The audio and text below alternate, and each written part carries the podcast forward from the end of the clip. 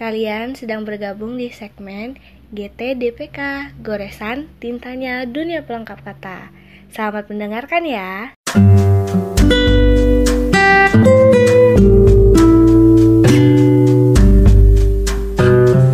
Namaku Amaris, perempuan keluar biasa yang baru saja merayakan ulang tahun yang ke-24. Tidak ada yang istimewa dalam hidupku, kecuali bagaimana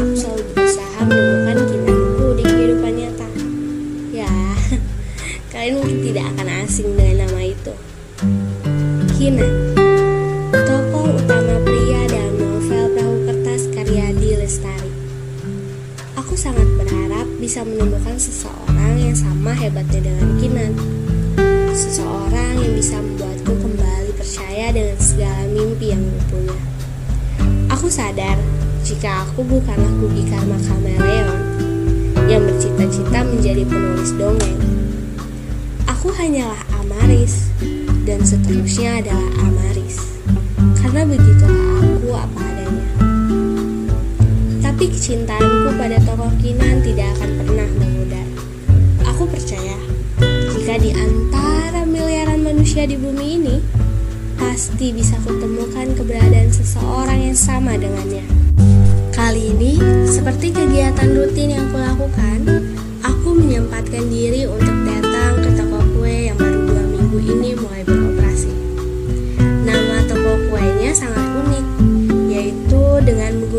ejaan tanpa dulu dan kata bahasa Indonesia yang jarang diketahui. Nuraga dulu kue. Aku sangat suka dengan konsep dan tujuan didirikannya toko, yaitu yang mana diharapkan semua kue yang dijual bisa membagikan rasa yang sama seperti dulu, baik kepada para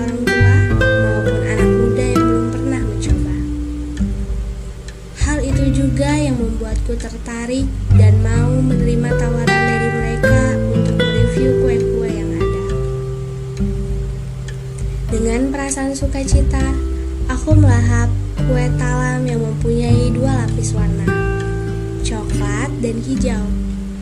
Tekstur kue talam yang kumakan ini sangat lembut. Saking lembutnya bisa dibelah pakai lidah. Sangat sempurna dan sangat cocok untuk dikonsumsi bagi para orang tua yang sudah tidak mempunyai gigi atau bagi orang yang malas makan. Kue kedua yang kumakan yaitu kue jongkong. Kue jongkong bukanlah sekedar kue basah, tapi kue basah kuyup. Karena masih dapat gulanya lagi buat disiram sampai basah. Paduan pandan dan gula merahnya sangat menyatu. Bagian putih yang seperti bubur sumsum rasanya juga enak sekali. Setelah selesai mencoba semuanya, aku mulai menuliskan hal-hal yang seharusnya mereka perbaiki lagi. Mulai dari kebersihan dan cara penyajian. Buatku, rasa kue di toko ini sudah sangat sempurna. Sama sekali tidak ada kurangnya. Baru kali ini aku menguji rasa makanan sampai sebegitunya. Aku jadi penasaran dengan orang di balik terciptanya kue-kue ini.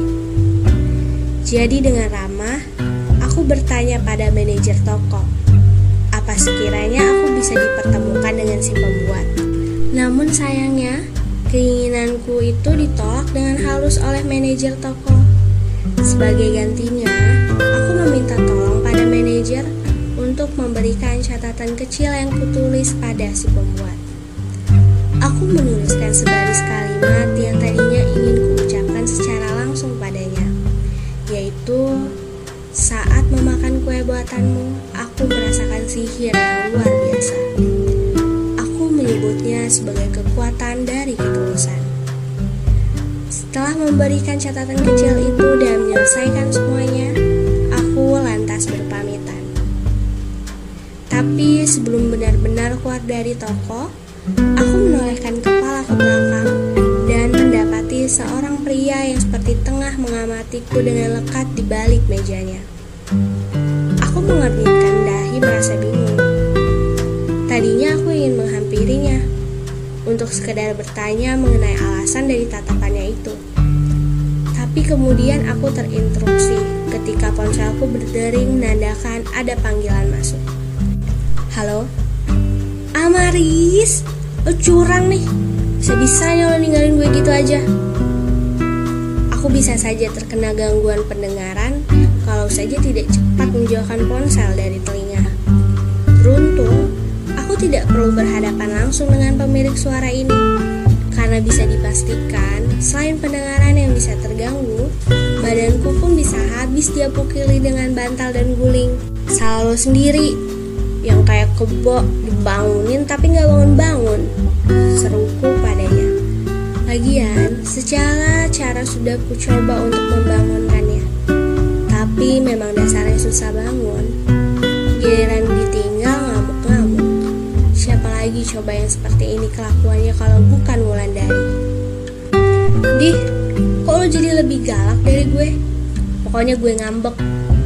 Gue gak bakalan buka pintu buat lo pas lo pulang nanti kalau lo nggak bawain mogu-mogu. Ancamnya padaku seperti biasa. Sebenarnya aku tidak perlu cemas dengan ancamannya, mengingat jam pulangku masih lama. Apalagi Wulandari yang selalu pelupa. Saking akutnya dalam hal melupakan, Wulandari bisa lupa kalau dia sedang marah, padahal sejam lalu baru kelar mengamuk. Tapi karena aku menyayangi sahabatku ini, jadi aku menyiapkan saja permintaannya. Wulandari tentu terdengar bahagia dan kemudian mematikan sambungan telepon. Teringat dengan niat awalku sebelum menerima panggilan masuk, aku lantas berjalan ke arah meja pria tadi. Namun sayangnya dia sudah pergi. Tadinya aku hendak bertanya pada salah satu pegawai toko, sebelum mataku menemukan secari kertas di atas meja itu.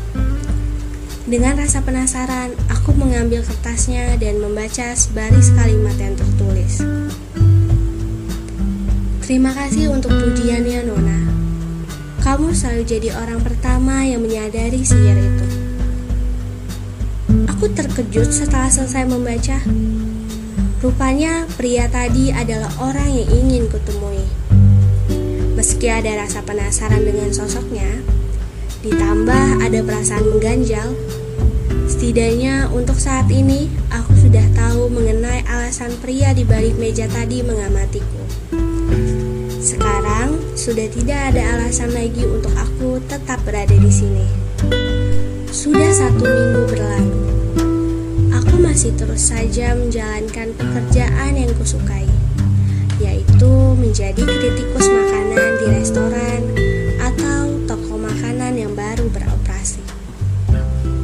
Sebuah profesi yang masih dianggap sebelah mata oleh beberapa orang, bahkan kedua orang tuaku juga.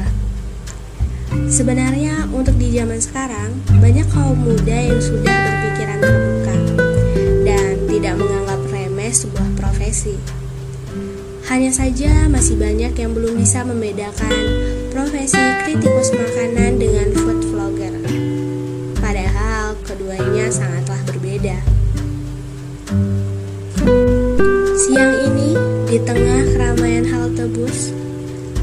hanya duduk tanpa melakukan apa pun selain menatap langit biru.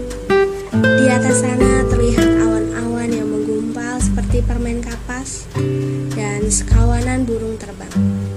Seketika membawaku pada rasa kedamaian. Sesekali memang ada baiknya membiarkan diri bebas dari hal-hal yang memusingkan kepala. Seperti yang Bukan lari dari permasalahan, hanya saja beristirahat sejenak supaya bisa lebih bijak mengambil keputusan guna menyelesaikannya. Aku tidak bisa gegabah, apalagi asal menuruti kemauan orang tuaku untuk berhenti bermimpi. Berhenti bermimpi menjadi kritikus makanan profesional dan fokus dengan usaha keluarga. Tengah kekacauan yang memenuhi pikiranku, dengan mengikuti intuisi, aku menoleh tepat ke arah bus yang tengah berhenti. Semua orang mulai berkerumun guna menaiki bus, dan dari sana muncul pria si pembuat kue. Ketemu, seruku heboh. Entahlah, bertemu dengannya seakan menjadi hal yang kuinginkan sejak pertama kali mencicipi kue buatannya. Pria itu terlihat kaget, tapi tetap tersenyum dan kemudian duduk di sebelahku. Memangnya kita lagi main petak umpet? Aku menjitak kepalaku seperti kebiasaan ketika menyadari kalau diri ini baru saja melakukan sebuah kebodohan. Kenapa kita bisa ketemu di sini ya? Kalau aku bilang karena sebelumnya kita udah janjian, kamu bakal percaya? Tanyanya padaku.